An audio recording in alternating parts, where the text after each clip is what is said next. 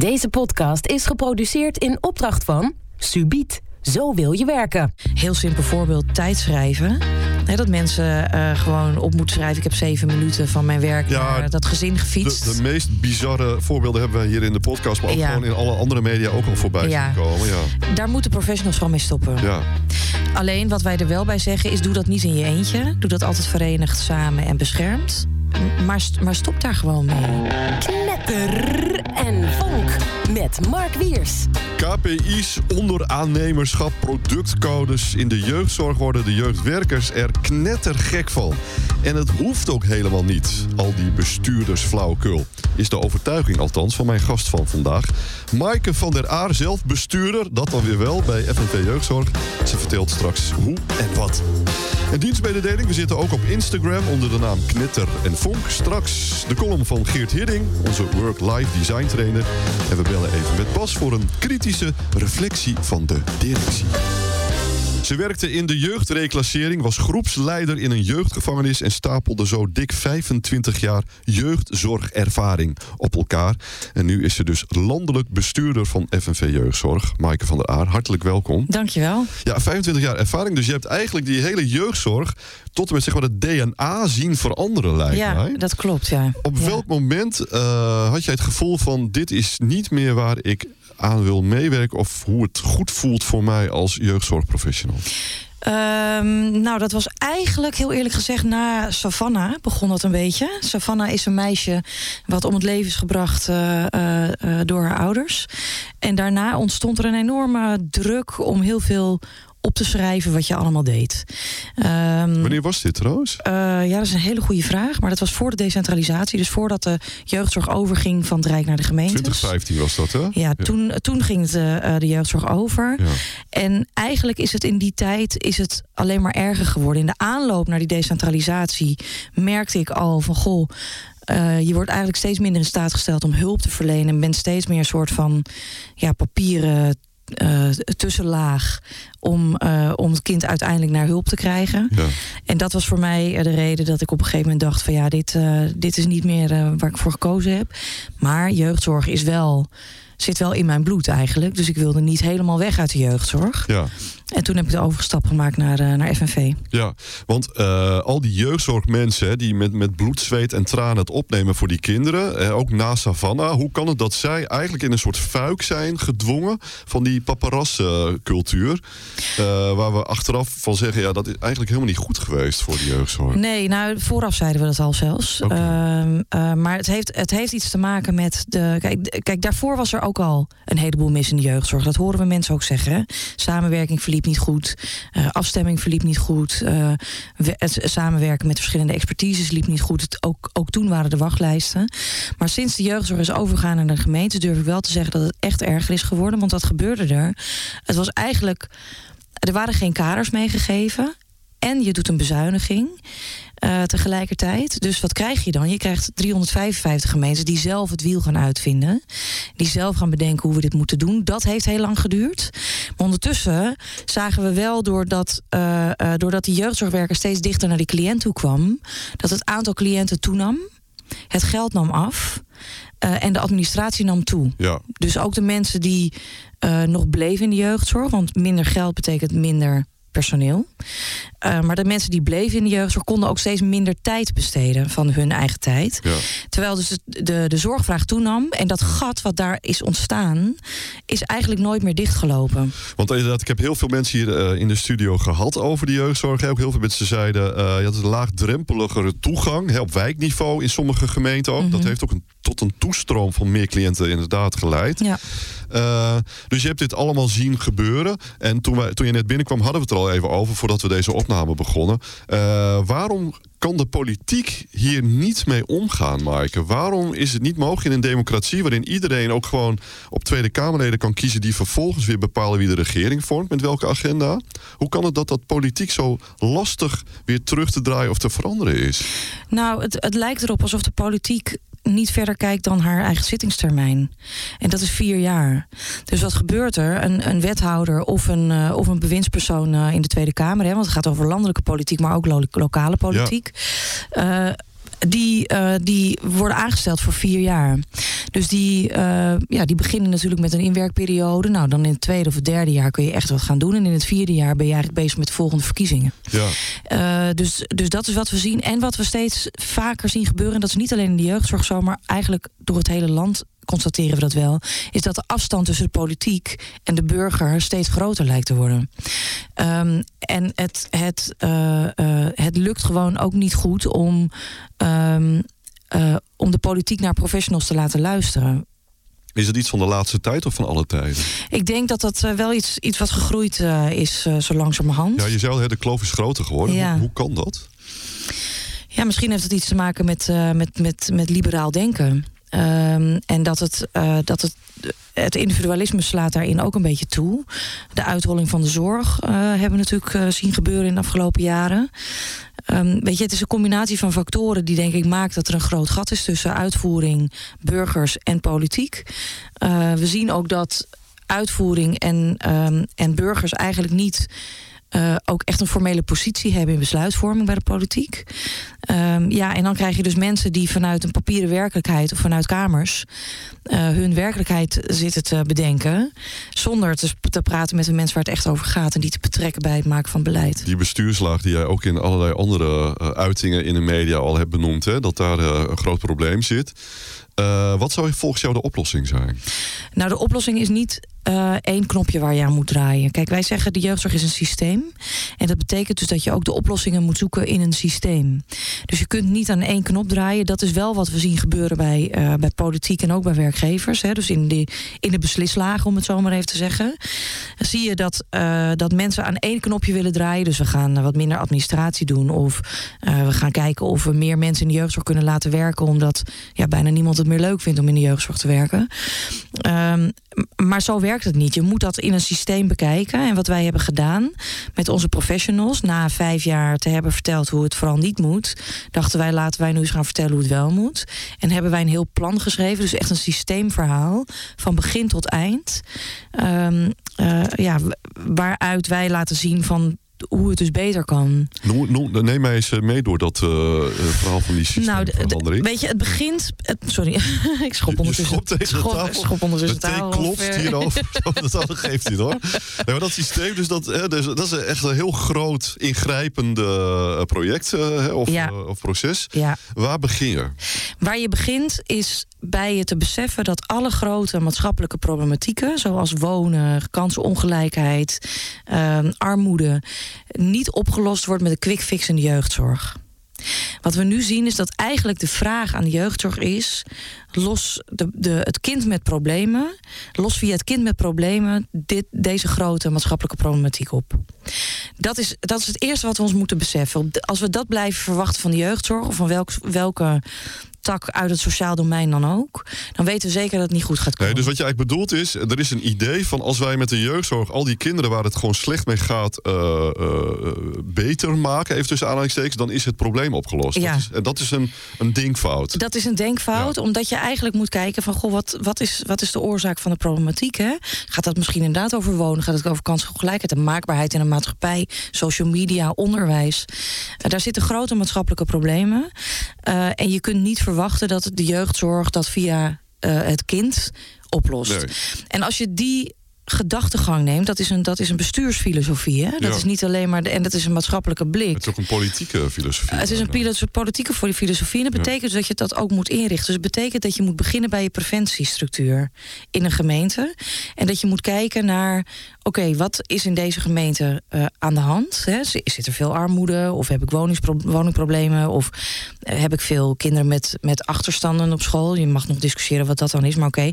Ehm, en daar moet je ook al op inzetten. Dus je moet al kijken naar eh, ja, hoe, zit, hoe zit mijn maatschappij in elkaar? Hebben we ook een civil society, zoals wij dat dan noemen? Ja. Hebben we ook een soort van ondersteuning in wijken?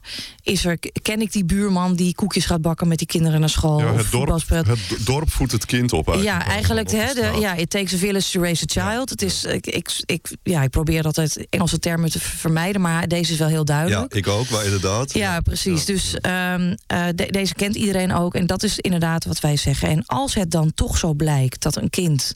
Dat het echt niet gaat en dat nou, die omgeving dat niet kan opvangen. Dat we gekeken hebben naar wat school kan doen, of het buurthuis, of de tante of de oom. Uh, dan zeggen wij, organiseer dan in elk, elke wijk, elke gemeente ook een team met mensen die goed kunnen onderzoeken wat er aan de hand is. Mm -hmm. En wat we nu zien is dat die teams uh, uh, die die staan er wel. Die heten overigens overal anders. Dat noemen ze het jeugdteam of het CEG of het wijkteam. Het, het heet overal anders in ja. Nederland. Laten we het lokaal team noemen. Dat lokale team, daarvan zeggen wij... daar moet voldoende expertise in zitten... om ook echt goed te kunnen onderzoeken wat is er aan de hand. De meest forse expertise mag wat ons aan de voorkant. We noemen dat even de eerste lijn. Ja. Of het lokale team. Ja. En dat lokale team moet ook echt wel... Uh, ja, goed bestendigd zijn. Dus geen korte contracten, zoals nu vaak het geval is. Uh, uh, waardoor je dus geen stabiele teams krijgt. Wat je wil, is dat die professionals die daar werken... ook een goede relatie aangaan met alle vormen van hulp en steun... in die omgeving. Mm -hmm. Zodat op het moment dat er een kind komt of een gezin zich meldt, dat er, dat er ook gekeken kan worden wat is er allemaal nodig. Hè? Moeten de ouders misschien GGZ of het kind moet misschien iets op school of. Uh, maar wat je eigenlijk wil is dus uh, de dorps- of buurtschapszin, hè, dat Ja. je die eigenlijk weer terugbrengt. Maar je noemt het dan wel een soort professionele organisatie. Terwijl in de tijd van mijn opa en oma uh, pasten gewoon buren op elkaars kinderen bijvoorbeeld. Ja, Dus waarom is dit dan beter dan dat je weer terug wilt naar die, dat buurtschap... gewoon uit mensen zelf, zonder dat je daar nou per se een professioneel team boven had? nee, dat is exact wat we bedoelen. Misschien was ik niet duidelijk, maar wij willen en die buurtschap. Mhm. Maar als die buurtschap het niet aan kan, Ja, dan heb je een eerste lijn. dan heb je een Ja, eerste lijnsteam. Ja. En ehm, met voldoende expertise. ehm, met ook GGZ-expertise. En expertise op jeugdgehandicaptenzorg. Hè? Want er kan ook sprake zijn van lage IQ's bijvoorbeeld. Ja. Eh, ook het jongerenwerk. eh, maar die hebben dus. En, en ook toegang tot de volwassen GGZ. Want misschien is het niks met het kind, maar zijn die ouders. ehm, hebben wat hulp en ondersteuning nodig. Ja. Op het moment dat daar gezien wordt dat er echt specialistische zorg nodig is, dan zeggen wij dat ook de professional en die cliënt samen moeten beslissen welke specialistische zorg er dan komt. Nu is het zo dat de gemeente dat bepaalt. Wij zeggen de professional en de cliënt moeten dat bepalen. En wie moet dat dan betalen, die specialistische en hoogspecialistische zorg? Daarvan zeggen wij dat zou het Rijk moeten betalen. Waarom? Omdat het verzekerde zorg moet zijn. Ik vergelijk het wel eens met: je gaat naar de huisarts. Je denkt dat je iets gebroken hebt. Hè, je komt met je voet. En de huisarts zegt: ga maar naar het ziekenhuis. Uh, hè, je maakt een foto. En als er iets gespookt of gedaan moet worden. Daar zit niemand tussen. Nee. In de jeugdzorg doen we het zo niet. Hè? Nee, het gaat nu via de gemeente, toch? Het gaat nu via de gemeente, dus je komt bij de gemeente. Dus professional die kijkt met jou mee. Professional zegt: Goh, ik denk dat dit en dit aan de hand is. En deze vorm van hulp zou goed zijn. Nou, vervolgens moet de gemeente daar dan over vergaderen. En een stempel opgeven. En praten over het geld. En, uh, en dan pas uh, wordt de hulp ingezet die de gemeente heeft ingekocht. Ja. Waar de gemeente contract mee heeft. Terwijl de professional misschien wel zegt: Ja, maar wacht even. Ik, vind, ik heb al gezien wat er nodig is. Ik ben de professional, daar ben ik voor ingehuurd. Uh, en ik vind dat er bepaalde zorg nodig is voor dit gezin. En die heeft de gemeente niet ingekocht. Of de gemeente zit aan budgetplafonds. Of wil het niet betalen. Of iets dergelijks. Dus die professional en die cliënt. Ondanks dat iedereen zegt die je spreekt. Die zouden in de lead moeten zijn. Zijn die professional en die cliënt het meest afhankelijk georganiseerd van allemaal. Maar goed, dus je hebt, hè, wat je al zei, een systeemverandering. Dus eerst eigenlijk een soort uh, nieuwe bestuurders- en politieke filosofie. Waarschijnlijk ook weer meer gericht op uh, solidariteit, uh, compassie, hè, buurtschap eigenlijk dus. Van daaruit die eerste lijns. Uh, inrichting, uh, dicht bij de mensen. En dan vervolgens dus de um, financiering aanpassen. Hè. Dat is even de lijn die ik nu uh, zie. En, en, en daarna, want ergens moet iemand beslissen... dat ook deze verandering in gang wordt gezet dus. Ja, dat, da, da, dat is het proces waar we nu middenin zitten. Um, op dit moment is het zo dat er een hervormingstafel jeugd komt. Um, omdat inmiddels geloof ik iedereen wel ziet dat het zo niet door kan gaan. Ja. Ik durf te zeggen dat dat komt omdat um, wij en samen met onze professionals uh, die lid van ons zijn, uh, daar enorm aan getrokken hebben. Echt met, ja, wij noemen het echt. Staking in de jeugdzorg heet geweld in de jeugdzorg. Hè? Want ik bedoel, mensen uit de jeugdzorg, zorg in zijn algemeenheid, die staken niet zo snel. Dus op het moment dat we hebben gestaakt en we hebben gedemonstreerd en we hebben krantenartikelen en social media en weet ik veel wat we allemaal hebben gedaan, brieven geschreven, gesprekken gevoerd, duizenden gesprekken gevoerd Dus ik durf te zeggen dat het professionals zijn geweest die de jeugdzorg en de problematiek op de kaart hebben gezet, hebben geduid en hebben gezegd wat er aan de hand is. Uh, en, en wat er zou moeten gebeuren. Nu is het zo dat uh, eigenlijk de politiek heeft gezegd: oké, er zijn twee dingen. Er is inhoud en er is geld. Het geld, daar is een AEF-rapport over geweest. Dat is een onderzoeksbureau die heeft geconstateerd... er is 1,9 miljard te weinig. Nou, het Rijk gezegd, hè, er is een arbitrage overheen gegaan en zo. En heel veel ruzies en... Uh, nou, gedoe. Gedoe. Ja. Um, die 1,9 miljard die komt er. Maar dan is de vraag, hoe wordt het uitgegeven? Veel interessanter natuurlijk. Uh, want als je het stopt in dit systeem, is wat wij zeggen, dan weten we zeker dat, dat we er niks van zien. Ja. Um, uh, dus dat betekent dat er ook een rapport is gekomen over de inhoud. Dat is, een, dat is de commissie Sint geweest. En die twee rapporten die worden nu samengevoegd en die zijn de basis van de hervormingstafel. Nou zijn er nog meer mensen die rapporten hebben geschreven, bijvoorbeeld wij, maar ook de SER en uh, het Nederlands Jeugdinstituut en de inspecties en de Raad voor de Samenleving en de kinderombudsmannen. Uh, werkgevers, die, nou, die, hebben, die zijn allemaal in het gat gesprongen van we moeten iets anders blijkbaar. Laten wij gaan adviseren hoe het moet. Uh, en al die rapporten die worden dus nu op een hoop gegooid. En die zijn dus de basis van de hervormingsagenda. En die hervormingsagenda, daar zit het Rijk in. En de VNG, de Vereniging van de Nederlandse Gemeenten. Gemeente, ja. De werkgevers, de beroepsverenigingen die over de kwaliteitsagenda gaan en over en de uh, cliënten en een paar cliëntenorganisaties. En FNV zit daar niet aan tafel. Nou ja. Nou, inderdaad. Hoe kan dat dan? Nou, dat... Want, want, want, eh, jullie hebben 1 miljoen uh, leden. Hè? Dat is meer dan alle politieke partijen bij elkaar. Uh, zei hij overigens zelf. Dus ja. ik heb een betrouwbare bron ja. voor deze informatie. Hoe kan het dat jullie hiervoor niet zijn uitgenodigd? Ja, dat is een hele goede vraag. Ik... Um, ik, ik weet het niet. Ik, je zou kunnen praten over misschien wordt gekozen voor, voor de weg van de minste weerstand.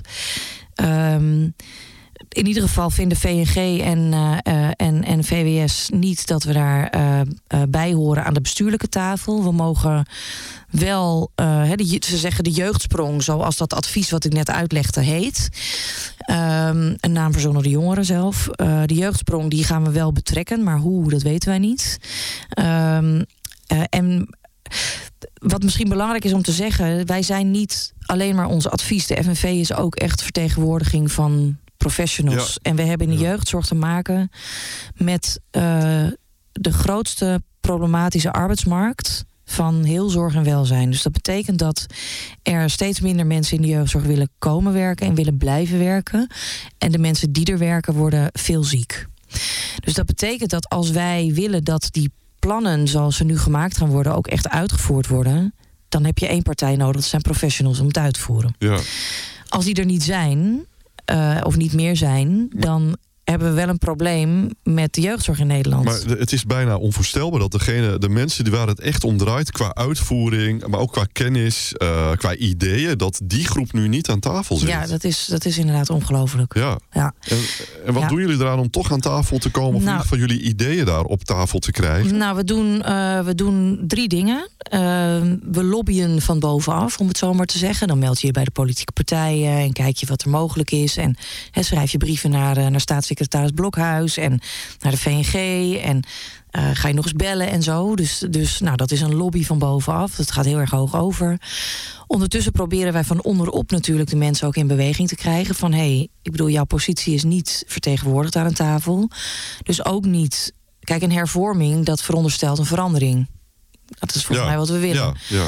Dat betekent voor iets voor professionals. Dat betekent iets van: oké, moet ik dan ander werk gaan doen? Word ik herplaatst? Misschien moeten we gaan ombouwen. Misschien moeten zelfs mensen wel de sector verlaten.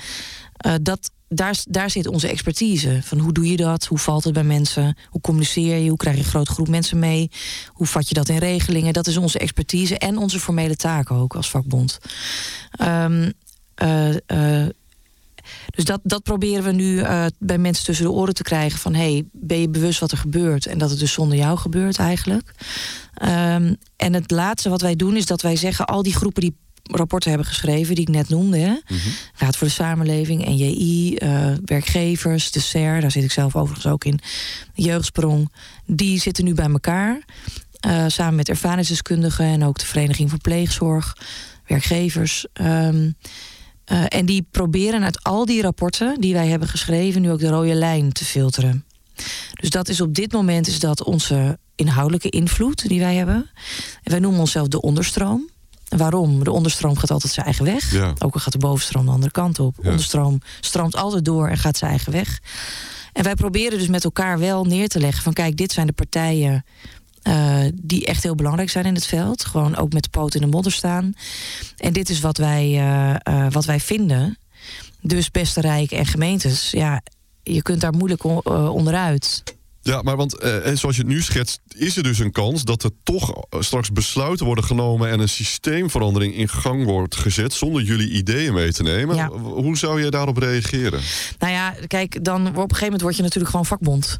En eh, Word je vakbond? Dat ben je, dat ben je toch al? uit je je als vakbond. Ja, ja, en eh, kijk, op het moment dat wij, dat vind ik wel belangrijk om te zeggen, op het moment dat wij over moeten gaan tot acties, hebben we achter de schermen echt alles geprobeerd. Mhm. En eh, zeker acties in de jeugdzorg doen we niet snel, omdat wij vinden dat de aandacht en de tijd van de mensen moet gaan naar de kinderen.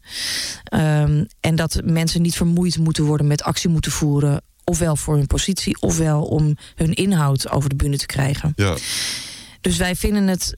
Het is echt een oproep aan de politiek om de- deze mensen hun positie te geven. We kunnen niet zonder professionals. Dat kan gewoon niet. Ehm, eh, de maatschappij kan de kinderen die echt hulp nodig hebben niet in haar eentje opvangen. Wij zijn geen professionals met z'n allen als burgers. Dus we hebben ze nodig. ja. Dus dat betekent dat je ook hun vertegenwoordiging aan tafel moet hebben. Eh, nou, ik heb net verteld wat we allemaal doen achter de schermen. Ehm, daar zitten echt heel veel gesprekken aan vast. En niet alleen nu, hè, dat doen we al vijf jaar. ja. Zijn we al met duizenden gesprekken bezig. Eh, en als op enig moment niks meer lukt, ja, dan ga je de druk opvoeren. En dat kun je op vele verschillende manieren doen. Hè. Je kunt petities doen, of je kunt eh nou ja, podcasts gaan opnemen en publiceren. En, of andere media opzoeken. Eh, je kunt eh, WOP verzoeken van nou laat mij de stukken dan maar zien. Eh, je kunt, en je kunt op enig moment kun je ook staken. Hey, want even nog, hè, want wat jij net schetst ook, hè, dat je dus van, van jullie als FNV, jullie strategie is onder meer dus om die professionals te zeggen: dit gaat ook over jou. Ja. Waarom moet je dat uitleggen aan die mensen eigenlijk? Hè? Weten ze dat zelf niet? Of Ja, dat weten ze heel goed. dat dacht ik ook. Ja, dat weten ze heel goed. Alleen professionals die zijn natuurlijk, en dat klopt ook, want het is hun taak. Die zijn gewoon bezig met, met, met die gezinnen. Ja, dus, ja, daar hebben ze het al zwaar genoeg mee, hè? Ja. Want uh, Dus, dus het is een soort waarschuwing. Let op, er wordt over jullie gepraat en over jullie beslist. En Ja. eh, hou dat in de gaten. Hou dat in de gaten, ja, ja, En volg ons. En dat doen heel veel professionals ook. We hebben, eh, ik heb een LinkedIn-tijdlijn waar ik echt heel veel gevolgd word. We hebben een, een besloten Facebookgroep. Die heet Kwaliteit voor het Kind. Als ik hem dan toch eh, even mag noemen. Eh, uitgeschreven als kloktijd, de tijd, zeg maar. Kwaliteit voor het kind. Eh, en daar zitten, dat is een besloten Facebookgroep met alleen maar professionals. Waardoor je dus ook met elkaar in gesprek kunt komen over... Hey, hoe valt dit? Of vinden, wat vinden jullie hiervan? Of hoe gaan we hierop reageren? Ja, Uh, en, en er wat, wat solidariteit ook onderling gevoeld wordt. Hè, dus dat Limburg weet dat Groningen met hetzelfde probleem zit, om het zo maar te zeggen. mhm. Ehm, eh, eh, en, ehm, maar goed, het, het, het, de, het kost wel gesprekken ook om professionals duidelijk te maken van. eh, ik geloof niet meer, wij geloven niet meer dat het licht uit Den Haag gaat komen, eerlijk gezegd. We geloven het ook niet meer van de gemeentes en we geloven het ook niet van de werkgevers. En dat heeft niets met intenties te maken, maar dat heeft wel met ervaring te maken dat we nu het zevende jaar van na de decentralisatie ingaan en het niet gelukt is om het beter te maken. Mhm. En dat betekent dus dat professionals ook vanuit hun professie, dus vanuit hun, hun zicht op de kinderen en, en op wat kinderen nodig hebben en wat ze zelf nodig hebben en wat hun collega's nodig hebben, ook vanuit hun professie zouden moeten willen zeggen: wacht even, misschien moeten wij het licht zelf gaan brengen. En, eh, en moeten wij onze positie ook pakken en claimen. Ja. Ja. En hoe doe je dat? Hè? Want je zegt al, we zitten niet aan tafel eh, bij die hervormingsplannen, eh, de jeugdsprong enzovoorts. Eh, er zijn heel veel ideeën, ervaring. Er is ook de intentie vanuit die professionals. Het moet anders, het kan ook gewoon niet verder zo. Dus wat kun je concreet doen om toch eh, jullie kennis eh, mee te laten draaien in die systeemverandering? Nou, ik denk dat professionals gewoon harde grenzen moeten gaan stellen. Kijk, het is een proces geweest om professionals ook een beetje te emanciperen. Hè? Mhm. Eh, er zit geen actieverleden of actiecultuur in de jeugdzorg. Toen wij in 2019 een landelijke staking uitriepen, was dat voor het eerst in altijd. voor het eerst. Voor het, eh, voor het eerst is de uitvinding van het woord jeugdzorg. Gingen, gingen zij staken. Ja. Dat was echt iets heel nieuws. Dus het is een proces geweest om mensen überhaupt in beweging te krijgen. Ja. Om ze te organiseren. Om duidelijk te maken van hé, hey, je bent niet alleen. Hé, jij zit met dit probleem, maar het is niet jouw probleem. Het is geen teamprobleem. Het is geen organisatieprobleem. Het is een, het is een systeemprobleem, een sectorprobleem. Dus dat, dat ga je niet oplossen door nog twee of drie zaken extra te nemen. Of door nog iets harder te, te werken. Dus Nee. stop daar maar mee. Ja. En werk met ons samen aan eh, de oorzaak van waar jij elke dag mee, mee te maken hebt. Ehm, en dat, dat, is, eh, eh, dat begint echt goed op gang te komen nu. We zien ook dat wij enorm groeien. Ehm, eh, en dat er steeds meer mensen aanhaken. En dat, dat zie je ook in onze acties. Hè. We begonnen met 3000. Nou, dan sta je volgende keer met 6000. En zo groeit dat. Ehm, eh, nou ja, en. en ehm, en nu is wel de tijd dat wij zeggen van kijk, de coalitieonderhandelingen die komen er nu aan. Althans, dat Nou ja, dat we. mogen we Dat hopen denken inderdaad. we ergens. We schrijven begin september 2021 waar, ja. Ja, klopt. Ja, Eh, dat, dat is natuurlijk ook zo, maar we houden natuurlijk wel rekening mee dat daar iets gaat gebeuren.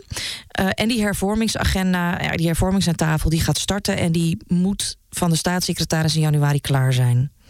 Wat ik overigens al best wel bizar vind om in drie maanden tijd een hervorming er doorheen te drukken. Maar oké, Ja.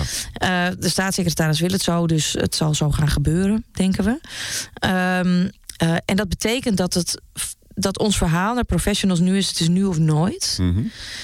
Dus eh, de bedoeling is om aan te haken, om te verenigen met elkaar en om gewoon grenzen te gaan stellen vanuit je professie. En eh, professionals moeten dat met elkaar gaan bepalen waar die grenzen liggen. Maar als ik bijvoorbeeld, heel simpel voorbeeld, tijdschrijven. Ik weet niet of je dat ooit gehoord hebt. Dat mensen eh, gewoon op moeten schrijven. Ik heb zeven minuten van mijn werk Ja, naar dat gezin gefietst. De, de meest bizarre voorbeelden hebben we hier in de podcast, maar ook Ja. gewoon in alle andere media ook al voorbij Ja. zien komen. Ja. Daar moeten professionals gewoon mee stoppen. Ja. Alleen wat wij er wel bij zeggen is: doe dat niet in je eentje. Doe dat altijd verenigd, samen en beschermd. Eh, en beschermd kan dus onder een vakbond. Ehm, eh, maar, maar stop daar gewoon mee. Ja. Het, er gaat niemand voor jou beslissen, namelijk dat je ermee mag stoppen, anders was het al gebeurd. Dus je- we kunnen er heel lang op wachten. Dat is inderdaad emancipatie dus. Dat Ja, het mensen is emancipatie, ja. bewust worden van de kracht die ze samen hebben. Ja, ja. Daar gaan we het zo ook nog even over hebben. Eerst En dan nu Geert Hidding over Work-Life Design. Geert Hidding, onze work-life design trainer, over de laatste keer. Dus Geert, Ja, Mark, ik ga het hebben over afscheid nemen. Want afscheid nemen en een goede afronding is ontzettend belangrijk. Alleen maken we het vaak niet zo belangrijk. Kijk, als mensen houden we meer van beginnen, starten, creëren. En misschien ken je wel de teamfase van Tuckman. Dit zijn fasen waar elk team dat top wil presteren doorheen gaat. En in het kort gaat dit om de oriëntatiefase, de machtsfase, de normeringsfase en de prestatiefase. En gevoelsmatig stopt het hier. Maar hij benoemt nog één fase die net zo belangrijk is voor goed presterende teams. En dat is de afscheidsfase. Dit is wanneer je bijvoorbeeld een project afrondt, er iemand uit het team stopt of bij een organisatieverandering. Hiermee zorg je er als team voor dat er weer nieuwe ruimte komt om te bewegen naar een nieuwe prestatiefase. En ik noem dit natuurlijk niet voor niets. Ook wij met deze podcast zijn terechtgekomen in een afscheidsfase. De serie zoals we die op deze manier kennen gaat stoppen. En ook dat vraagt om een goede afronding. En ik moet zeggen, ik heb genoten van deze kans en ik heb geleerd van alle gasten die voorbij zijn gekomen, maar ook zeker het werken aan mijn eigen bijdrage. En ik wil daarom ook Subiet bedanken voor hun initiatief. En ik wil jou, Mark, bedanken voor de productie, de ruimte en de feedback. En ik wil jou als luisteraar bedanken voor het meegaan op onze reis. Dank je wel. Dan nu nog even terug naar jou als reisgenoot. Stel jezelf eens de vraag, nu je mogelijk opnieuw beseft dat goed afronden net zo belangrijk is als goed beginnen. Wat staat er op dit moment nog open en heb jij nog goed af te ronden? Doe het, want hiermee creëer je weer extra energie voor een mooi en nieuw begin. Geert Hidding was dat over afscheid nemen. Want het was de laatste keer, je weet het inmiddels al. We zijn knetter en vonk aan het verbouwen. Meer daarover over een maandje. Hoe krijgen we energieke mensen die met plezier werken in de publieke sector? Knetter en Paul. In de studio nog steeds Maaike van der Aar. Sinds de jaren 90 zit jij ook in de jeugdzorg. Uh, nu als bestuurder, maar eerst ook dus gewoon ja, in het werkveld zelf. Is uh, de maatschappij ook niet veranderd? Dus zijn de eisen vanuit de maatschappij, de verwachtingen vanuit de maatschappij, zijn die ook niet heel anders geworden in ja. de afgelopen 25 jaar? Ja, zeker. Benoem die eens. Nou ja, dat is een beetje wat ik in het begin zei. Ik denk dat we grote. Uh, ik denk dat door zo lang uh, liberaal beleid te hebben gehad. Um, dat we ook wel een beetje zijn doorgeschoten in individualisme en het zelf allemaal moeten redden. Um, maar ook een beetje de maakbaarheid van de maatschappij. Ja. Ik denk dat kinderen in deze maatschappij aan ongelooflijk hoge eisen moeten voldoen, maar werknemers ook. Um, dus we zijn allemaal een beetje op onszelf aangewezen of zo. He, zo voelt het een beetje. Ja. Um, uh, en er is weinig onderlinge solidariteit of hulp. En dat betekent dus dat de eisen en de lat ligt enorm hoog voor iedereen. Um, en ik denk dat dat wel een hele belangrijke wijziging is in de maatschappij. Um, waardoor je misschien alleen al als kind of als ouder uh, niet zo snel duidelijk maakt dat het thuis niet zo goed gaat. Oh, omdat er een soort van perfectionisme heerst. Uh, ja. Een perfect plaatje waar heel veel mensen toch denken aan te moeten voldoen. Ja, ik en ik denk dat het misschien altijd wel heel erg ingewikkeld is. Hè, want het is heel kwetsbaar. Ja. Als je praat over wat je niet redt en dat het niet goed gaat met je kinderen. Of dat je als kind zelf zegt van het gaat niet goed met mij. Maar ik denk dat het nog extra kwetsbaar is als je weet dat je, dat je toch wel geacht wordt mee te komen in de red race. Um, uh, en dat er tegelijkertijd ook niet meer zo heel veel echte hulp is. He, mensen die roepen sterkte op Facebook. Maar niemand komt echt een kopje thee voor je zetten. Ja. Dus ik denk dat dat wel een enorme wijziging is in de maatschappij. Waardoor je dus. Um, waardoor we elkaar een beetje uit het oog zijn verloren. Waardoor we zelf enorm ons best aan het doen zijn om in ieder geval picture perfect neer te zetten naar buiten toe. Mm -hmm. um, uh, en ik denk dat dat, ja, dat dat ook doorspeelt op de arbeidsmarkt. Dus, dus in het werkende leven speelt dat ook allemaal een rol. Dus ja. ook de werkers in de jeugdzorg. Ja. Is er ruimte voor kwetsbaarheid? Binnen die teams bijvoorbeeld. Waardoor mensen dus ook voelen: hey, ik heb een probleem, maar de ander ook. Hè? Die, die ervaring heb ik zelf ook. En daar zit juist je solidariteit, maar ook je elkaar willen helpen. Zit daar natuurlijk heel erg in. Ik denk dat er wel ruimte uh, is. Mentale ruimte zal er wel zijn. Uh, dat geloof ik wel. Um, althans tussen collega's. Maar ik denk de, de, de, de praktische ruimte niet. Dus er is gewoon echt geen tijd om gewoon met elkaar eens even te gaan zitten om dit te bespreken. Mm -hmm. Vroeger, vroeger was het heel gewoon dat je regelmatig intervisie had. Of supervisie, dus dat je echt, echt ging doorspreken van wat, hoe zet jij jezelf in als instrument? Of uh, wat, wat doen bepaalde situaties met jou? Hoe ga je daarmee om, et cetera? Eigenlijk zijn dat de eerste dingen die weggevallen zijn sinds er steeds minder tijd is. En die tijd heeft dus te maken met een enorme bezuiniging. Uh, een versnipperde manier van werken. Uh, veel van je tijd bezig zijn met administratieve onzin.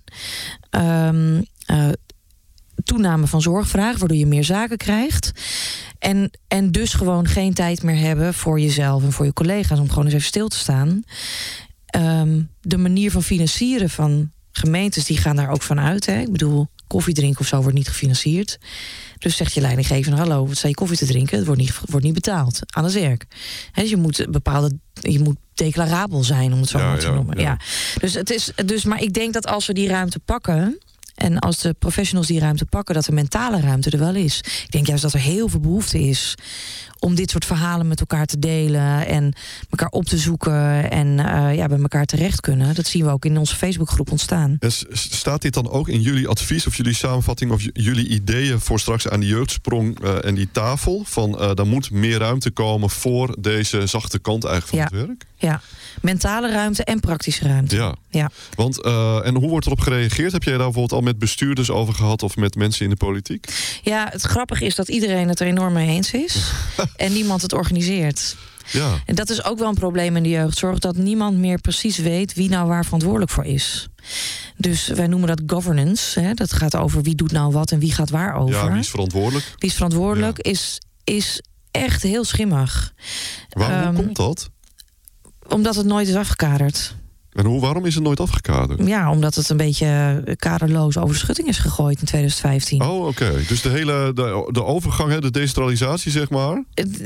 Is, is wat dat betreft ja, gewoon niet gekaderd. Oh ja. En, en niet op, op die wie is, wie is verantwoordelijk, maar ook niet op de inhoud. Hè? Dus wat is nou eigenlijk, wat vinden we nou aan jeugdzorg? Vinden we nou dat we als maatschappij alles moeten betalen, elke vraag die komt, of niet? Dat zijn discussies die je natuurlijk met elkaar moet voeren. Die discussies zijn nooit meer opgepakt. Nee. Dus het is, het is, iedereen doet, doet aan zijn eigen invulling. En dat zien we vanaf de werkvloer. Ehm, dus professionals die niet precies weten waar begin ik of waar eindig ik. Tot aan gemeentes die, waarvan wij zien van die zitten veel te veel op de stoel van de professional. Of van de werkgever. Die gaan zich opeens bemoeien met interne bedrijfsvoering en zo. Oh, ja. Of tegen professionals zeggen: dit is het resultaat wat je moet halen met dit gezin. Ja, wie, wie, wie eh, tot aan het Rijk die zegt van ja, hier zijn wij niet verantwoordelijk voor. Dat moeten gemeentes doen. Dan zegt de gemeente: nee, nee, nee, wacht even. Dat is eh, systeemverantwoordelijkheid, dat moet het Rijk doen. Ja. En zo zien we dat door de hele keten heen. Ehm, ja, en dat maakt dus dat je op, op een gegeven moment gewoon geen afbakening meer hebt. En dat dus niemand meer weet wat is eigenlijk van mij, wat moet ik oppakken eh, en wat moet ik beleggen bij een ander. Ja.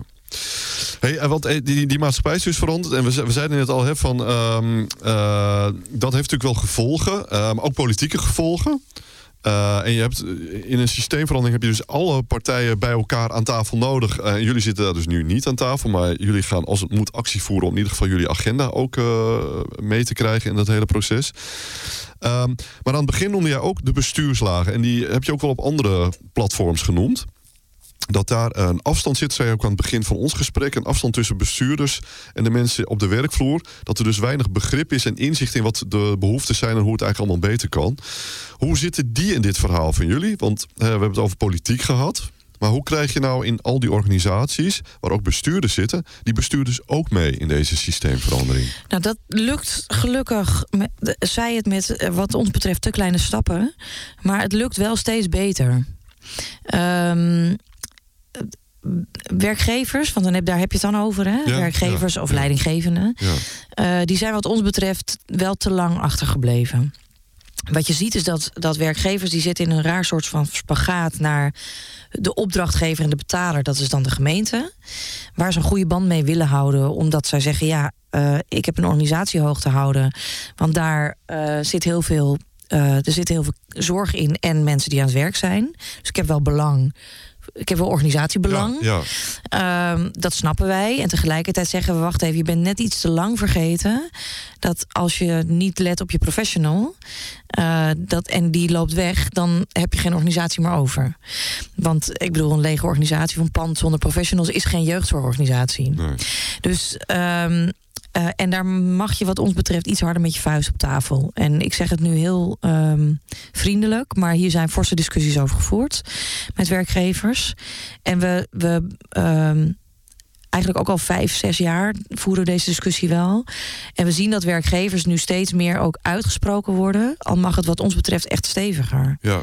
Ook werkgevers moeten zeggen dit is onhoudbaar. En werkgevers moeten zich beseffen dat ze niet altijd nodig zijn. Er, er zijn te veel werkgevers in de jeugdzorg en te veel leidinggevenden in de jeugdzorg. En dat, dat, Hoe kan dat? nou ja, ehm, in principe is het zo dat je op een moment. Kijk, er wordt heel veel aan. Moet ik even naar de inkoop gaan? Hoe, hoe, hoe kom je als jeugdzorgorganisatie of jeugdzorg één pitter aan het werk? Dat is door je aan te bieden op de voorwaarden die de gemeente stelt. Dat noemen we een open house inkoop. Dat is het, het meest gebruikte model in Nederland. We zeggen altijd aanbesteding, marktwerken en zo. Dat is eigenlijk in de jeugdzorg is het feitelijk open house. Heel kort gezegd, gemeente bepaalt zijn voorwaarden en de aanbieder schrijft in. Mhm. Dat, kun, dat kan dus iedereen zijn. Als je aan voldoet aan de voorwaarden, dan kun je dus een contract krijgen bij de gemeente. Plus dat we hebben gezien eh, dat, eh, eh, en dat vinden we wel goed, dat er natuurlijk op enig moment ook behoefte stond aan innovatie, dus vernieuwingen. En daar hebben ook nieuwe partijen op ingeschreven.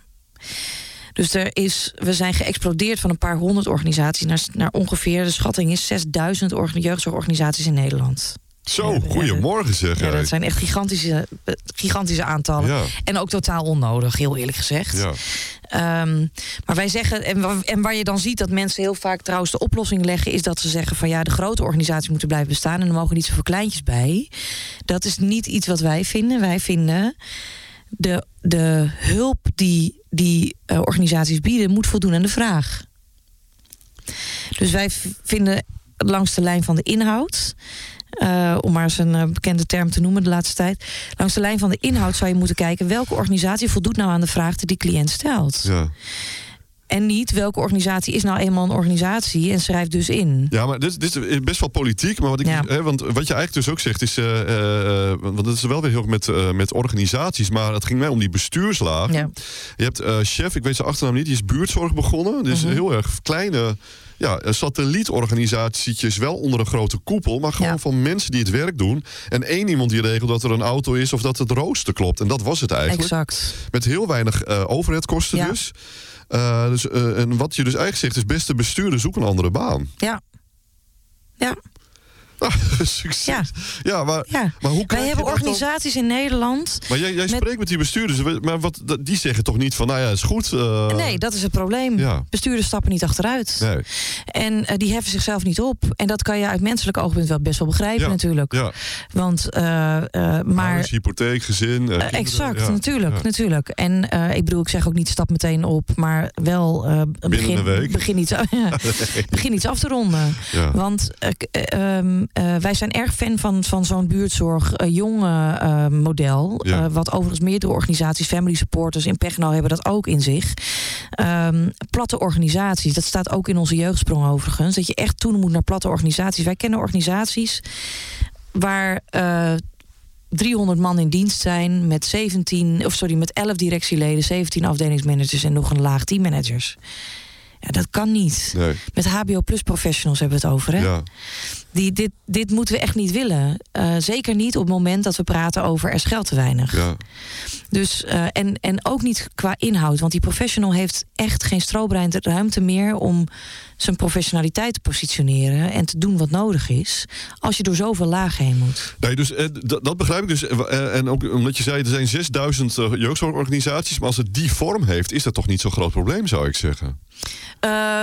Voor zo'n platte, kleine organisatie. Nou, kijk, eh, nee, als het die vorm heeft, wordt het inderdaad al minder. ehm, ehm, dan, dan nog mag je je afvragen, want een, or- een organisatie betekent dus een werkgever met een ondersteuningsapparaat en lagen in een organisatie. Ja. Eh, terwijl je inderdaad ook zou kunnen zeggen, je kunt naar minder werkgevers toe en dan wel de uitvoering lokaal en klein organiseren. Ehm, met teams die dat dus met elkaar doen. ja. En dan heb je niet 6000 organisaties, maar misschien wel 6000 plekken waar jeugdzorg aangeboden wordt. Maar dat is heel anders dan een hele organisatie daarbij optuigen. Hey, en eh, oké, dus dit is, dit, eh, dit is een, eh, een richting waarin de verbetering eventueel zou plaats kunnen vinden. Nog één ander ding, want jij hebt ook in heel veel interviews die marktwerking benoemd, die er eigenlijk niet is. Hoe kan het dat die marktwerking toch als een soort optie wordt gezien voor de zorg en misschien zelfs ook het onderwijs en allerlei semi-publieke terreinen? Eh, en hoe krijgen wij die eh, in het meest ideale geval eigenlijk minder sterk in, eh, in ons vakgebied? Nou, wij zeggen inderdaad, in de jeugdzorg is niet sprake van echte marktwerking. Marktwerking zeggen wij, je hebt Jumbo, de Albert Heijn en de Aldi en de Lidl in één straat. Die mogen daar gewoon vestigen en de klant bepaalt waar die, waar die binnenloopt. Dat is marktwerking. Mhm. In de jeugdzorg is dat niet zo. In de jeugdzorg maakt de gemeente een voorselectie wie mee mag doen, dus wie zich mag vestigen. En vervolgens eh, bepaalt eh, ook de, de klant niet zelf waar hij naar binnen loopt, want hij wordt gewoon gestuurd naar daar waar een contract ligt. En, en in heel veel organisaties, niet in alle organisaties moet ik erbij zeggen, want ik hoor de reacties alweer. Maar in heel veel organisaties zien we dan ook dat zaken worden verdeeld aan de hand wie heeft tijd. Dus niet van wie klikt of zo met, eh, ehm, ehm, ehm, eh, met het kind of met het gezin. Maar wie heeft tijd. Dus de klant heeft weinig keuzevrijheid. Dus wij noemen het een schijnmarktwerking. Maar we, we weten wel om het woord maar toch te gebruiken. Want we weten allemaal waar het over gaat. Nu zegt de overheid, althans dat hebben we eh, gehoord in de wandelgang. Hè, dat in dat stuk van eh Kagen en Rutte staat... minder markt, meer overheid. Maar voor de overheid betekent dat meer regie bij de overheid. En dat is precies wat wij niet willen. Wij willen de regie hoort bij de professional in het gezin. Oh ja, ja. En dat moet je dus ook organiseren. Want bijna iedereen zegt dit. maar niemand organiseert het. Want, en dat is dan ook de vakbondsexpertise. Wij vragen altijd hoe gaan we het organiseren en wie betaalt het. Hè? Dat zijn een beetje onze standaard vragen. Vervelende vragen voor velen, maar zonder, moet- zonder antwoord. Zonder antwoord los je het niet op. Nee, nee. Dus, ehm, eh, dus wij zeggen, hoe organiseer je dat nou? Die eerste lijnsteams waar ik het net over had... die kunnen met elkaar in een regio... we hebben 42 jeugdzorgregio's... in een regio kunnen zij met elkaar een coöperatie vormen. Die coöperatie kan bepalen welke tweede of derde lijn... dus welke specialistische of hoogspecialistische zorg wordt ingekocht. Natuurlijk moet je daar contractmanagement op doen... en de technische kant en de bedrijfsvoering. Helemaal eens. Ehm, maar op die manier bepaal je wel dat de tweede en de derde lijn reageert op de vraag uit de eerste lijn. Mhm. En dat de eerste lijn dus samen met de cliënt kan kijken welke, welk aanbod is hier goed voor. Eh, en zo op die manier reduceer je dus die marktwerking. Hey, want, eh, ja, ja. Oké, nee, want Ja. hoe krijg je dus ook weer. Hè, want eh, er zijn volgens mij best wel goede ideeën. Er is een wil. Hoe ga je nu inderdaad dit concreet waarmaken? Je zei al, we moeten dus aan die, aan die overlegtafels. Er wordt gelobbyd vanuit de FNV ook bovenaf. Je organiseert die mensen dat hun solidariteit wat groeit. Dat ze beseffen, hey, eh, samen kunnen wij bijvoorbeeld eh, afspreken... wij gaan veilig en samen afschaffen dat we die tijdsregistratie doen. Maar hoe krijg je nou... eh, wat, is voor, wat is voor jou de ideale uitkomst over drie jaar van al dit alles? Hoe, hoe zal het dan gegaan zijn? Ehm, vijf jaar, maar in ieder geval. Er is, er is één weg naar een oplossing, dat is via de professionals. Ik zie geen andere weg meer, serieus niet. Nee. En eh, dat, dat klinkt heel erg eh, als vakbondsretoriek. Maar wat ik net probeerde uit te leggen is dat wij echt alles achter de schermen geprobeerd hebben om het, om het beter te maken. We hebben zelfs aan ontregelde zorgsessies meegedaan. We hebben een arbeidsmarkttafel waarin we proberen die arbeidsmarkt eh, projecten te draaien om het werk in de jeugdzorg wat leuker te maken. Ja. Die gaan over behoud van mensen, over inwerken van mensen, over agressie, over eh, nou, registraties. eh, hoe, hoe doe je dat allemaal anders? En wij zien gewoon dat het niet voor elkaar komt. En we zijn inderdaad, we gaan nu het zevende jaar naar de decentralisatie in. Iedereen wijst altijd naar de Scandinavische landen van nou ja, decentraliseren kost tijd. En in, in de Scandinavische landen hebben ze er zeven jaar over gedaan. En toen dacht ik, nou, dat, daar zitten we dus. Ja.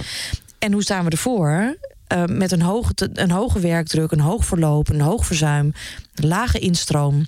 Groeiende eh, eh, zorgvraag en mensen die gewoon gillend de sector verlaten. Dus wij, we moeten ons beseffen, als we zo doorgaan, zijn wij serieus bang dat die jeugdzorg kopje ondergaat. We zien een aantal organisaties al omvallen, ook eh, hier in Groningen. Ehm, Welke? eh, nou, eh, ehm, eh, de, de Jeugdzorg Plus is al gesloten. En nu laatst bij Elker is er een enorme reorganisatie geweest... waar echt heel veel mensen weg moesten. Niet omdat de kinderen er niet zijn... maar omdat er niet betaald wordt voor het werk wat gedaan moet worden. Dus eh, Oké, en, en, en eh, eh, hier luisteren veel professionals naar, naar deze podcast. Wat, is, wat kunnen zij nu doen? lid worden van FNV. Ja, je lacht. Ja, Maar ik meen het serieus, Ja. omdat er geen andere oplossing is dan verenigen, het samen doen en echt veranderen. Het doen. We kunnen, we kunnen namelijk nog twintig jaar hierover praten. Uiteindelijk moet iemand het gaan doen. En die iemand. Ehm, ik denk dat er nog twee groepen overblijven die het kunnen doen. En dat zijn cliënten en professionals. De burger en professionals. ja. Omdat wij zien dat we na alles wat we geprobeerd hebben. We zijn echt, we zijn echt tot, tot het uiterste gegaan. Dat het Rijk, VNG en de werkgevers het samen niet voor elkaar krijgen. Om te zorgen dat mensen in die sector blijven werken, willen blijven werken. eh, dat ze niet ziek worden, dat ze nog komen werken in de sector. eh, eh, en dat dus die kinderen geholpen worden. ja. Wat wij proberen te zeggen is van we hebben op sommige plekken gewoon serieus te maken met code zwart. Ik hoor van, van leden van ons dat kinderen, suïcidale kinderen, eh, dat die niet eens meer aangemeld kunnen worden voor hulp. Dus niet, we zijn de wachtlijst voorbij. We zijn bij je, mag, je ik kan niemand meer op de wachtlijst zetten. Problematiek. Het is echt, als je daarover nadenkt. ehm, en, en, die, en die professionals die buffelen maar door. En die denken, nou, als ik nog twee of drie of vier, vijf, zes, ze- zeven zaken extra neem, dan, dan los ik het misschien op. Hè. Ze willen niet loslaten, want ze zeggen, ja, alles wat ik nu niet meer doe, eh, is, is mijn cliënt in de steek laten. ja. ons vreemden ze inmiddels anders. Als we zo doorgaan, laat je, laat je alle cliënten in Nederland in de steek. Oké, maar dat is uh, hoe het politiek kantelt, uh, welke invloed je hebt als je mensen organiseert. Stel je voor dat het toch niet lukt. In de geschiedenis is dat vaker gebeurd. Uh, je ziet, we hebben het al even benoemd, dat het ook kan als je als rebel of als tegendinker zegt: het systeem kunnen we niet veranderen. We beginnen zelf wel een systeem, hè, zoals buurtzorg. Jij zei ja. al, buurtzorg jong bijvoorbeeld. zou dat ook iets kunnen zijn als het op deze meer officiële manier niet lukt? Ja, natuurlijk zou dat iets kunnen zijn. En we proberen dat wel al met door uh, goed in het land te kijken waar zitten voor ons goede voorbeelden. Ja, noem er dus een paar. En nou, Buurtzorg Jongens er één van, maar we hebben dus wat ik net zei in Pechno. Die is ook heel plat georganiseerd. Family Supporters. Die denkt ook op een andere manier. Die voegt ook die expertise samen. Ja. Werkt ook op een hele platte manier. Maar ik moet even, misschien even kort uitleggen. Want buurtzorg staat eh, onder meer in het eh, boek van Rutger Brechtman. Maar is ook veel in de media geweest. Mm -hmm. is opgericht in Limburg. En daar is een soort win-win-win situatie. Dus uh, veel minder ziekteverzuim en verloop. Omdat uh, zij heel erg contradictio hebben gezegd: wij gaan niet meer al die uh, formulieren doen. We gaan ook niet meer die vergadercultuur doen. Minder bestuurslagen. De kosten zijn even hoog, maar er is veel meer effect. Dus er worden veel meer uh, mensen geholpen. Uh, zelfzorg ook. Dus mensen zijn ook veel gemotiveerder en hebben veel meer plezier in hun werk. Ja. Uh, en, en dat dus uh, geprojecteerd op de problemen in de jeugdzorg. Hè, daarom noemde jij het ook al. Uh, dus die organisaties die jij net noemde, in in Pechno. In Pechno. En, en family uh, supporters. Family support. En wat ja. zij ook doen, um, is dat zij, ja, om het, om het maar even in, in vaktermen, zij ontschotten de expertise. Dus zij zetten mensen van de jeugd GGZ, jeugdzorg, jeugdgehandicaptenzorg, uh, zetten ze bij elkaar in het team. Ja. En wat wij, wat wij vaak zien, is dat die uh, in aparte organisaties zitten. Het probleem daarmee is, is dat um, kinderen of gezinnen die melden zich zelden, zelden aan met één probleem wat met één expertise opgelost kan worden. Ja. Heb je een andere expertise nodig, dan moet je dus eerst een rapport schrijven, moet je terug naar de gemeente, moet over vergaderd worden, moet er geld komen, dan moet het kind nog ergens aangemeld worden, negen maanden op de wachtlijst enzovoort. Dus wat, wat die organisaties anders doen, overigens Peel en Maas kan ik niet vergeten, uh, als, als, uh, als, uh, als gemeente. wat zij doen is dat zij dus ook die expertise bij elkaar zetten. Dat zijn minimale administratievragen. Um, uh, en, uh, en dat zij dus inderdaad die professional samen met de cliënt in de lead zetten. Dus dat ook echt op die manier organiseren. Ja. En wat mij opvalt in de sector, uh, is dat er heel weinig geleerd wordt van dit soort voorbeelden. We kennen ze bijna allemaal. Hè? En ook wij noemen ze bijna overal. Want iedereen die zegt ook van, nou, hè, wat zijn dan de goede voorbeelden? Nou, dit zijn een paar goede voorbeelden. Happy Home van de Stichting Het Vergeten Kind. Uh, dat zijn allemaal van die, uh, van die voorbeelden waarvan ik denk van, hoe kan het dat niet iedere organisatie dit doet? Ja. Of iedere gemeente dit doet? Ja. En, ja. hoe, hoe, en, wat is jouw antwoord? Heb je, je hebt erover nagedacht? Zo, zo te uh, nou, ik vind het. Ik, ik, ik, het puzzelt mij wel, moet ik heel eerlijk zeggen. Dat blijft ook wel. Dus ik, ik ben heel erg aan het invullen als ik antwoord geef hierop. Uh, omdat, ik het, omdat ik mijn vinger ook niet echt achter de, dit, uh, dit vraagstuk krijg.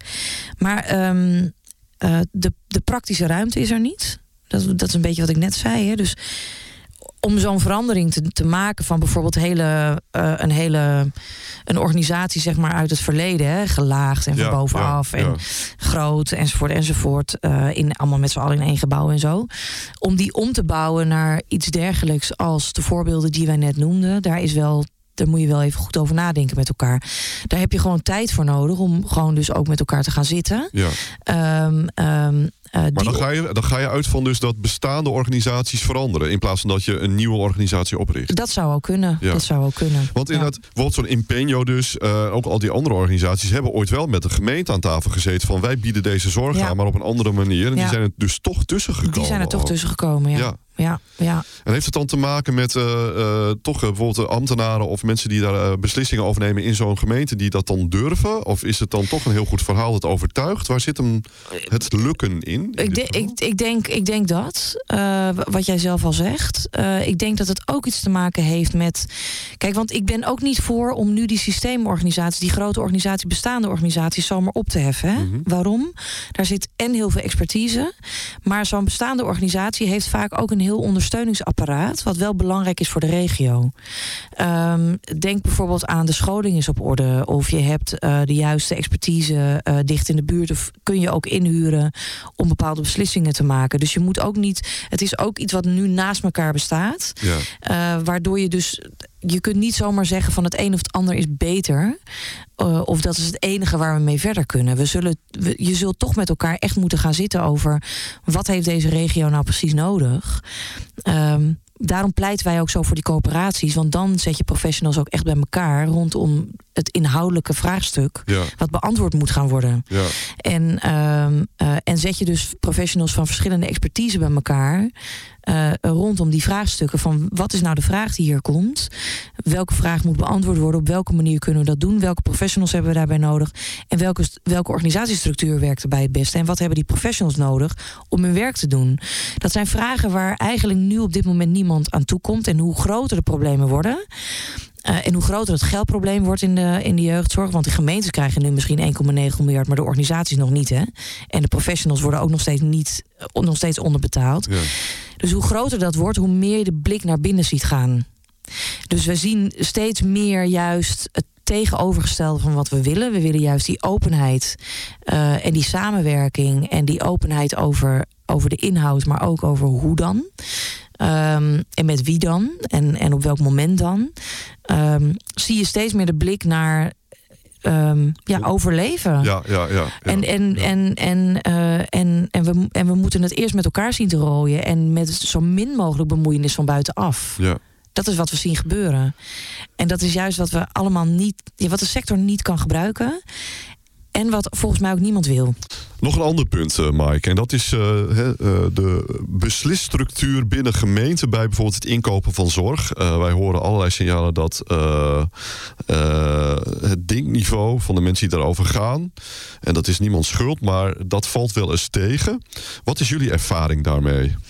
Nou, onze ervaring daarmee is dat rondom die inkoop heel vaak gewoon ook externe worden ingevlogen. Dus er zijn ontzettend adviseurs, uh, heel veel adviseurs of uh, zelfs inkoopbureaus die het voor die gemeentes doen. Dus de vraag is zelfs nog van wat gebeurt er echt in een gemeente? Welke ambtenaren zitten daar echt op? Of welke wethouder beslist echt iets? Of wordt het echt uitbesteed aan, uh, ja, aan bureaus waarvan er heel veel rondlopen? En kunnen eigenlijk gemeentes op de ja, meest gestelde vragen. Hè, van wie heb je dan ingekocht? Of wat kost het? Of uh, uh, welke CEO hanteer je? Of wat zijn de wachtlijsten? Op dat soort vragen kunnen, we, kunnen we gemeentes vaak niet eens antwoord meer geven. Nee, die, die gemeentes niet. Die ambtenaren adviseren natuurlijk ook wethouders. En de raad moet daar iets over vinden. Hoe is dat dan politiek nu? Uh, qua, qua informatievoorziening. Zijn mensen goed genoeg geïnformeerd om hier beslissingen over te nemen? nou, ik denk dat de raden heel vaak dat dit soort informatie ook helemaal niet meer krijgen.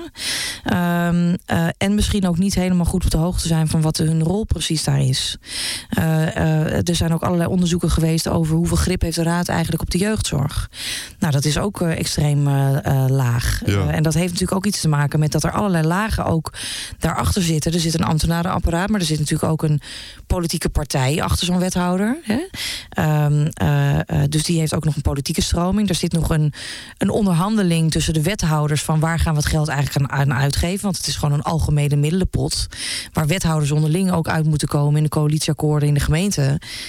Waar welk geld naartoe gaat. En dan heb je vervolgens nog een inkoopbureau wat op afstand staat. En ook commerciële belangen heeft. En, en commerciële belangen heeft. Ja. ja, dus wat wij wel eens zeggen van ja, hoe kan het zo zijn dat in het zevende jaar na de decentralisatie die inkoopbureaus of die adviseurs nog steeds bestaan? Ja. Is het niet tijd dat die gemeentes dat inmiddels zelf kunnen? Uh, en is het misschien zo dat die inkoopbureaus die gemeentes misschien ook net dom genoeg houden om het niet zelf te kunnen? Ja. Uh, er gaat, de, hier gaat echt heel veel geld en heel veel tijd in om. Want het gaat om het geïnformeerd zijn van de beslissers. Uh, die is dan waarschijnlijk niet groot genoeg, want anders had je ook volgens mij geen inkoopbureaus nodig. Ja, dat, dat lijkt mij. Ja, ja. en kun je dat organiseren dan? Dat die gemeente op het vlak van inkoop en dus ook het organiseren van de jeugdzorg ja, beter gestructureerd en beter georganiseerd Nou, wat wij dus vinden is dat die gemeentes eigenlijk alleen nog over die preventie, die civil society en die eerste lijn zouden moeten gaan. En dat de tweede en de derde lijn wordt ingekocht door professionals en cliënten zelf, betaald door het Rijk. Ja, dat heb je al eerder benoemd. Hè? Dus exact, dus wij, wij vinden dat de gemeente daar ook gewoon geen taak in heeft. Wij vinden eigenlijk dat het, als het gaat om specialistische en hoogspecialistische jeugdzorg, dat de overheid er niet over gaat, dat de politiek eruit moet. Um, uh, en dat het dus langs de lijnen van de inhoud moet gaan. En dat doe je door de professionals en de cliënten te laten vertellen welke zorg er nodig is en waar een cliënt naartoe gestuurd wordt. Waardoor de professionals uit de tweede en de derde lijn op die vraag moeten reageren. En de gemeentes en het Rijk er eigenlijk qua inhoud uh, niets meer mee te maken hebben. dat lijkt ons alleen maar een goede zaak, omdat dit, de, de politiek is niet uh, waar het over zou moeten gaan in de jeugdzorg. Het moet gaan om welke hulp heeft een kind nodig. Ja, en, en kennis dus van uh, de problematiek en wat de oplossing exact. kan zijn. En wat wij zien is dat gemeentes wel vaak de vraag kennen. Waarom? Hij wordt gerapporteerd door professionals. Maar gemeente is geen vakman. Dus die kan de vraag niet duiden en ook niet bedenken welke hulp hoort hierbij. Ja. Dat is iets, dat is vakmanschap van professionals. We gaan even bellen met Bas. Bellen met Bas van de directie. Ja, Bas, uh, rebellen, systeemverandering. Uh, hoe, hoe kun je dit nou begeleiden en inzetten binnen de jeugdzorg? Nou, volgens mij begint dat met mensen met elkaar verbinden. Wij spreken echt heel veel professionals die gewoon klaar zijn met de organisatie waar ze werken of het systeem waar ze in zitten, maar zich eigenlijk ook een soort roepende in de woestijn voelen. Ja, en wij kunnen, zij, uh, uh, kunnen ze een omgeving bieden waarin ze in ieder geval vrij uit kunnen spreken. Hè, want dat doe je toch niet zo makkelijk bij jouw werkgever. Daar begint het mee. Maar wat wij vooral ook proberen is nou ja, eigenlijk die rebellen met elkaar onderling in contact te laten komen. Zodat ze, zodat ze zich gesterkt voelen en zich daardoor ook ja, echt in beweging durven, durven komen. En uh, ja, daarin helpt ons Work-Life Design programma denk ik ook. Omdat mensen daardoor toch wat zelfverzekerder worden. Zichzelf wat beter leren kennen. Assertiever uh, durven zijn. Ja, en op die manier hopen wij echt een beweging op gang te krijgen. Waarbij je op microniveau grote landelijke thema's zou, zou moeten kunnen aanpakken. Daar geloof ik echt in.